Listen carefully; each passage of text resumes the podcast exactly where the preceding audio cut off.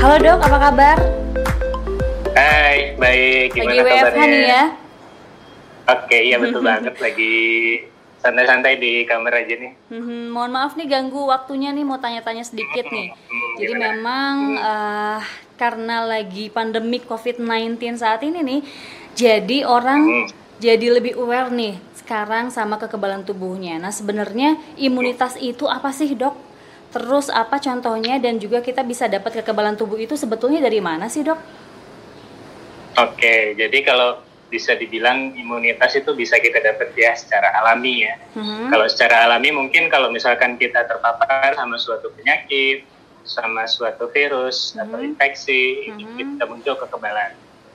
Nah, tapi ada nih cara yang lebih aman kalau misalkan kita eh, imunisasi atau vaksinasi. Mhm. Nah, kalau misalkan kita vaksinasi, itu akan eh, terbentuk suatu antibodi dengan cara yang aman, karena di situ vaksin lebih terkontrol lah keamanannya. Mhm.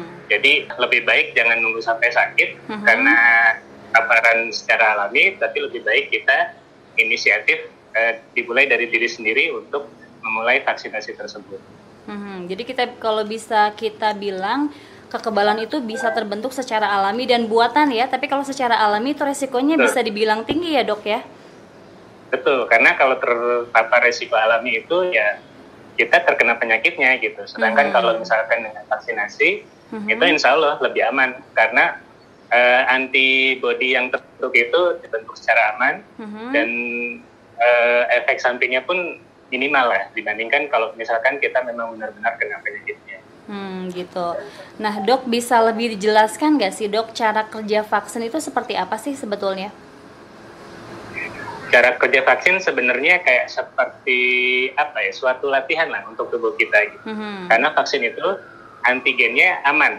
Jadi Oke. antigen yang dikenali oleh tubuh kita itu bisa untuk melawan penyakit-penyakit yang ada di luaran sana.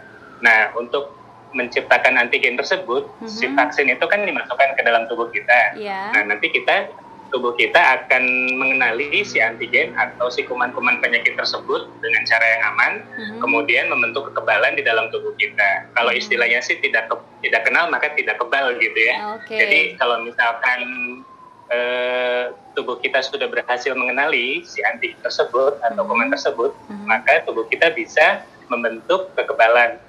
Mhm, Jadi bisa dibilang si uh, virus dalam vaksin ini seperti teman tanding ya dok, teman latihan.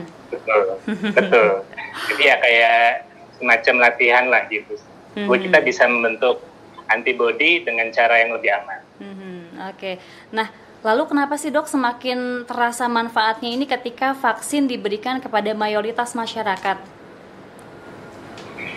Kalau itu kita kembali ke konsep herd immunity ya. Kalau misalkan herd immunity mungkin teman-teman belum pada tahu. Mhm. Jadi itu kalau misalkan herd immunity adalah gimana caranya kita melindungi orang-orang semaksimal mungkin dengan cara kita sendiri yang dilindungi.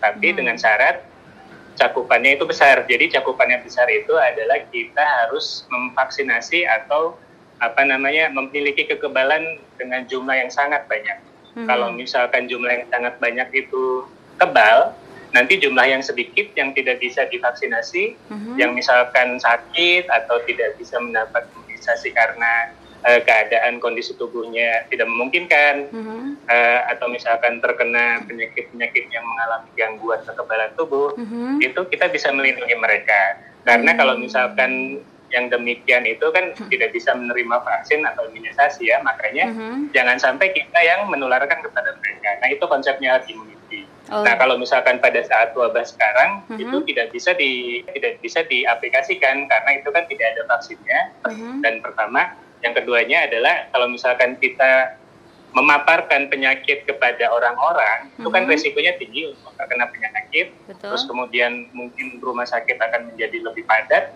tenaga kesehatan akan menjadi kerepotan kalau seperti itu gitu caranya. Hmm, iya betul. Jadi di konsep herd immunity ini kita bisa melindungi kelompok-kelompok yang tidak menerima vaksin ya, tidak bisa menerima vaksin ya Betul. dok ya. Ya, betul. Itulah makanya pentingnya untuk herd immunity ini kalau misalkan orang-orang yang tidak bisa divaksin itu bisa kita lindungi eh, supaya kita bisa berguna juga untuk orang lain. Betul. Oke dok, uh, ada pesan nggak hmm. untuk biotizen terkait vaksinasi ini? Uh, untuk biotizen, teman-teman biotizen semua, saya pesan sih ya jangan sampai melewatkan vaksinasi ya. Uh-huh. Terutama mungkin yang udah punya anak-anak nih dilengkapi uh-huh. semua vaksinasi untuk anak-anaknya. Uh-huh. Terus kemudian kalau bisa dilengkapi juga imunisasi-imunisasi tambahannya. Kalau perlu beli ya beli sekalian. Uh-huh. Terus untuk mama papanya juga jangan lupa lengkapi vaksin-vaksin yang bisa dilengkapi karena kalau enggak kita nggak bisa mempunyai daya tahan tubuh terhadap penyakit-penyakit tertentu uh, apalagi kalau misalkan vaksin tersebut bisa tersedia banyak gitu kenapa enggak sih gitu mm-hmm. nah kalau misalkan uh, kita nyambung ke tadi uh, ke wabah ya yeah. Uh, itulah pentingnya uh, vaksinasi gitu supaya kita bisa melindungi orang-orang yang nggak bisa divaksinasi kalau keadaan seperti sekarang kan karena nggak ada vaksin, mm-hmm. nggak mm-hmm. ada kekebalan komunitas apa kekebalan komunitas, mm-hmm. uh, itu orang-orang yang lemah pun nggak bisa kita lindungi gitu. Yeah. Jadi semuanya bakal kena gitu. Mm-hmm. Jadi selama masih ada vaksin, selama masih bisa kita jangkau, kenapa enggak untuk kita vaksinasi semaksimal mungkin. Itu okay. aja sih paling untuk biotizen. Oke dok, makasih banyak nih dok atas waktunya. Semoga yeah. kita bisa melewati yeah. pandemik ini dengan cepat ya dok okay. ya. Oke. Okay. Yeah. Assalamualaikum. Waalaikumsalam, thank you.